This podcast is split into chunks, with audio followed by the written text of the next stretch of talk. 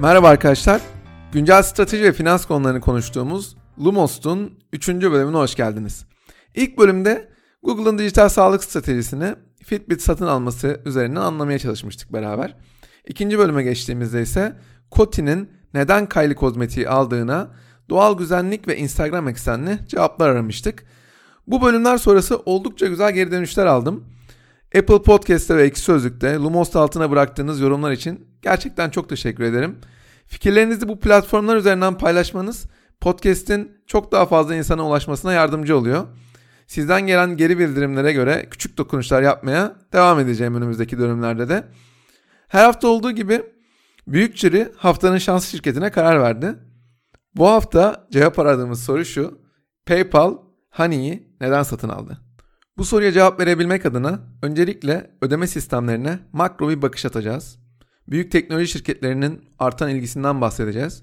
Sonrasında da PayPal'ın 2019 finansallarında benim için dikkat çekici noktaları ortaya döküp rekabetçi kalabilmek adına yaptığı yatırımları değerlendirip podcast'i kapatırız. Hadi başlayalım.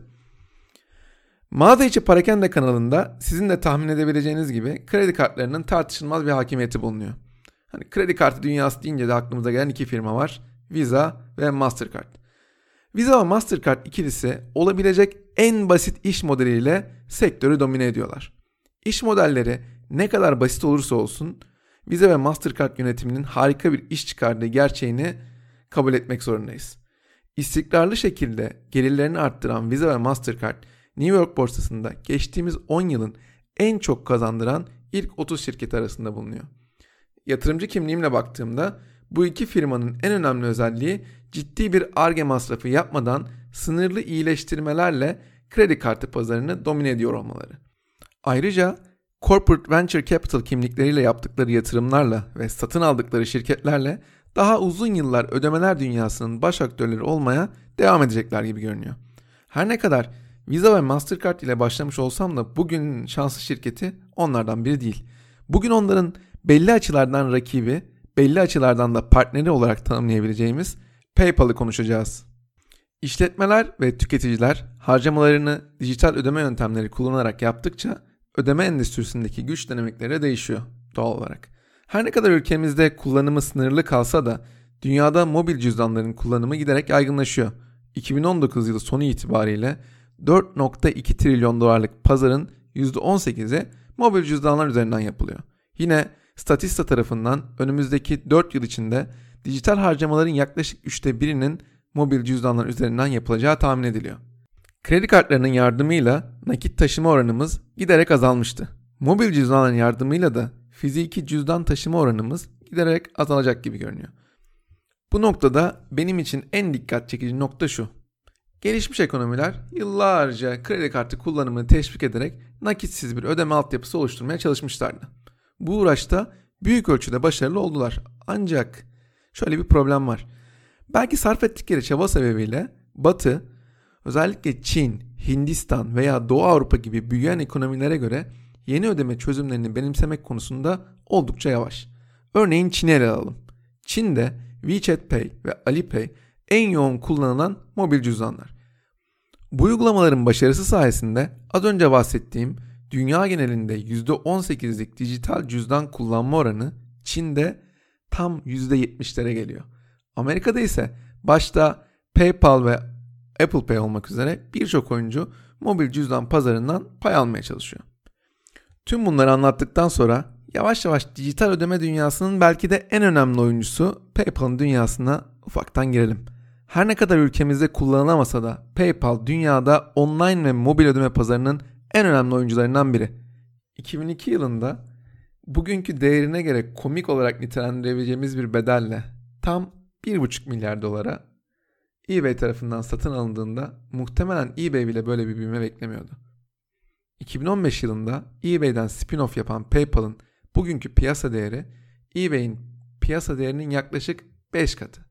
Yatırımcı gözüyle baktığımda gelirlerini istikrarlı şekilde arttıran, ana işindeki tüm metriklerini sürekli optimize eden, geçmişinde Braintree, Zoom gibi başarılı satın almalar olan bir şirket var.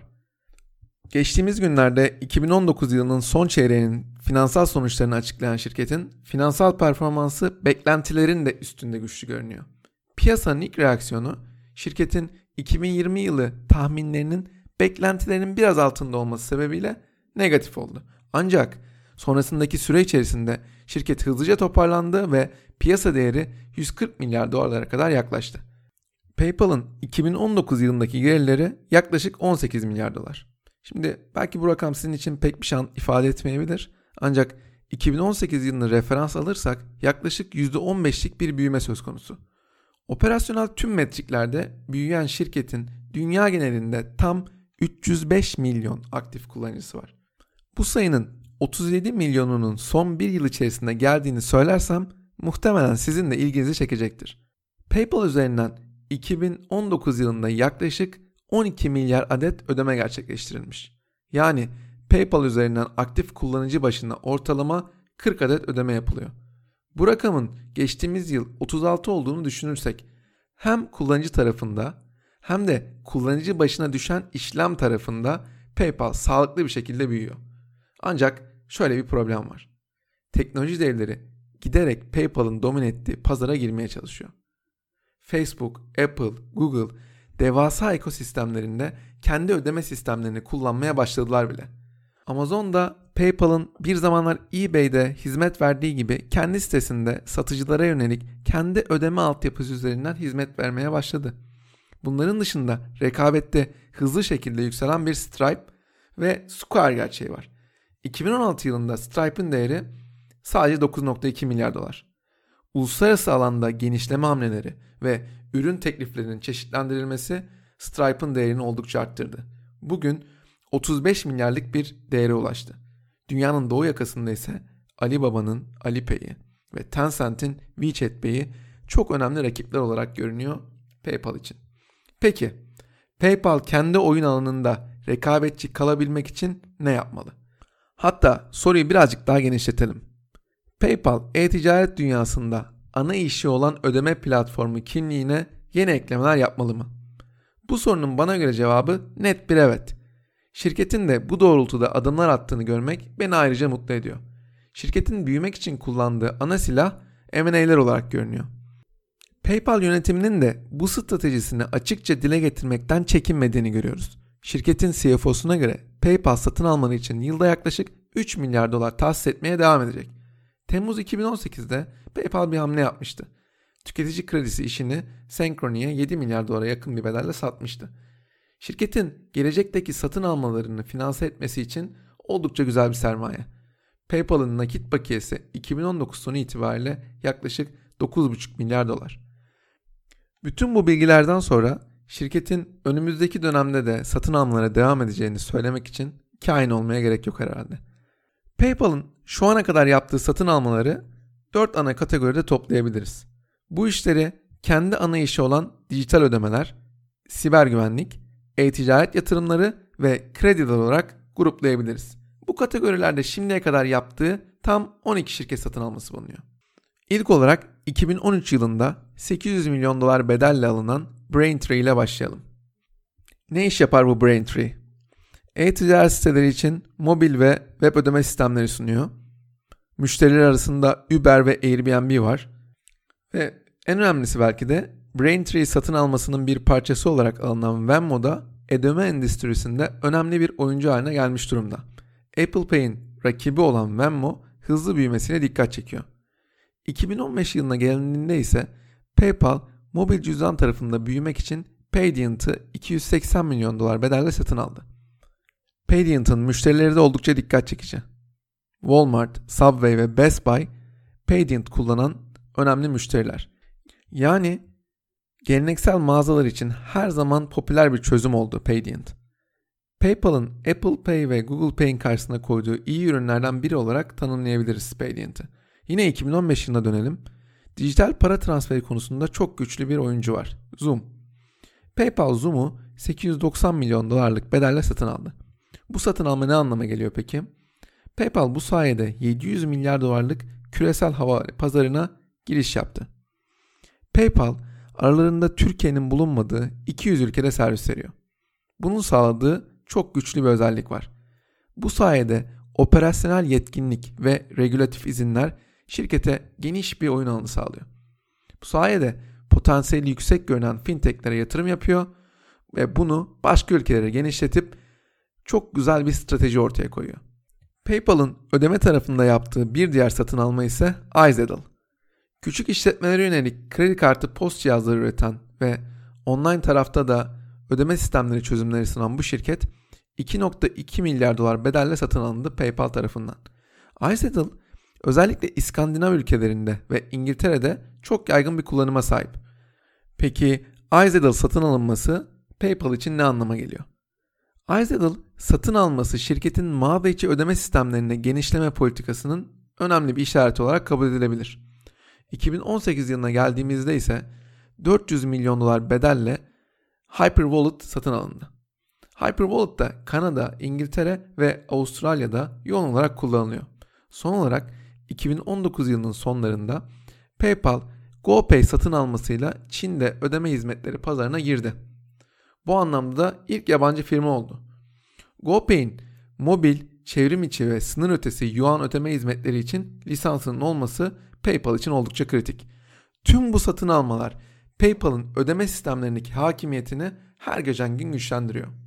PayPal bir taraftan etki alanını genişletiyor, diğer taraftan da yaptığı satın almalarla sistemini daha güvenli hale getirmeye çalışıyor. Bunu nasıl mı anlıyoruz? 2015 yılına dönüp baktığımızda şirket Sayactiv satın almış. 2018 yılında ise Simility satın alması var. Bu şirketler PayPal'ın güvenlik anlamında ileriye gitmesini sağlayan satın almalar olarak göze çarpıyor. Şirketin ana yaptığı işin tamamlayıcısı ne olabilir diye sorduğunuzu tahmin ediyorum şu an. Muhtemelen sizin de aklınıza neden PayPal kredi vermeye başlamamış geliyor olabilir. Şirket bunu görerek belki de Amerikalı online kredi firması Swift Financial'ı 2017 yılında 183 milyon dolar bedelle satın aldı. Şimdiye kadar bahsettiğim tüm satın almalar ya şirketin ana işini güçlendiriyor ya da ana işini destekliyor. Bundan sonra bahsedeceğim satın almalar ise şirketin oyun alanına e-ticareti de eklemeye çalıştığını gösteriyor bizlere. En başta sorduğumuz soruyu tekrarlayalım. PayPal Honey'i neden satın aldı?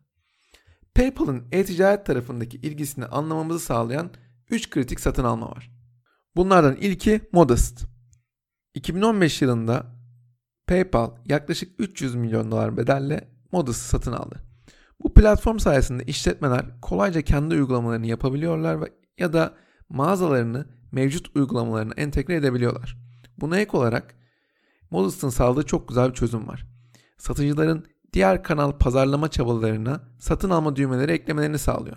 Hatta üçüncü taraf sitelerde de ürün satmasını sağlıyor. Çok güzel bir çözüm. PayPal'ın 2018 yılında satın aldığı yapay zeka destekli analitik platformu Jetlor'da şirketlerin satışlarının arttırmasına yardımcı olmak için tasarlanmış ücretsiz pazarlama araçları sunuyor. Şimdi Modest ve Jetlor'u şirketin e-ticaret tarafındaki ilgisini gösteren satın alma olarak tanımlayabiliriz.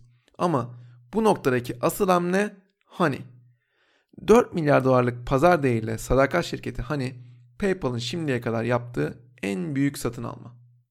Henüz bilmeyenler için öncelikle Honey'i anlatarak başlayalım. Amerika'dan sıklıkla alışveriş yapanlar muhtemelen dediklerimi destekleyecektir. Amerika'da alışveriş sırasında kupon kullanımı oldukça yaygın. Hatta bu kuponları toplu şekilde listeleyen çok sayıda internet sitesi de bulunuyor. Ancak bir problem var. Her alışveriş sırasında hangi kupon aktif, hangi kupon pasif tüm bunları denemeniz çok ciddi bir zaman kaybı. İşte tam olarak bu noktada Honey devreye giriyor. Honey'i browser'ınızda ekliyorsunuz. Online alışveriş sırasında hani en indirim kupon neymiş sizin için buluyor, aktif hale getiriyor. Böylece güzel indirimler yakamanızı sağlıyor. 2012 yılında kurulan Honey'nin aylık 17 milyon aktif kullanıcısı bulunuyor. Şimdi bu noktada bir hayal kuralım. PayPal'ın Honey'nin teknolojisini kendi ürün hattına eklediğini hayal edelim. PayPal'ın 305 milyon aktif kullanıcısı olduğundan bahsetmiştim. Bütün bunları hayal edince Honey'nin büyümesi adına çok büyük bir potansiyel var. Bana göre Honey, PayPal'ın kendi tarihinde yaptığı en sıra dışı satın alma. Çok iddialı bir laf ettiğimin farkındayım ama bu şekilde tanımlamamın bir sebebi var. Statistiğe göre internet üzerinden yapılan satın almalar sırasında kullanıcıların tam %75'i son aşamada alışverişten vazgeçiyor. Hani bu problemin çözümüyle ilgili PayPal'a yepyeni bir kapı açabilir. Tam ödeme sırasında Honey'nin otomatik olarak kuponları uyguladığını hayal edin. Müşterilerin alışverişlerini tamamlamaları için yepyeni bir teşvik. Ve bu sayede müşteriler çok daha fazla alışveriş yapacaklar ve hem PayPal kazanacak hem Honey kazanacak. Umarım sizi az da olsa ikna edebilmişimdir. Yavaş yavaş podcast'in sonuna geliyoruz. Bugün neler konuştuk? Şu ana kadar dijital ödemenin hızlı yükselişinden bahsettik. Apple, Google gibi şirketlerin sektöre olan yoğun ilgisinden ve PayPal'ın rekabetçi kalabilmek adına yaptığı ödeme yatırımlarından bahsettik. PayPal'ın 200 ülkede servis vermesinin ve 305 milyon kullanıcıya sahip olmasının satın aldığı yatırımları nasıl pozitif şekilde yukarı taşıdığından konuştuk. Son olarak da 4 milyar dolar gibi yüksek bir değerlemeyle satın alınan Honey'nin vaat ettikleriyle PayPal'a yeni bir oyun alanı yarattığını anlattık. Benim anlatacaklarım şimdilik bu kadar. Haftalık olarak yayınlanan Lumos'ta Spotify ya da Apple Podcast üzerinden abone olabilirsiniz. Haftaya yeni bir bölümde görüşmek üzere. Hoşçakalın.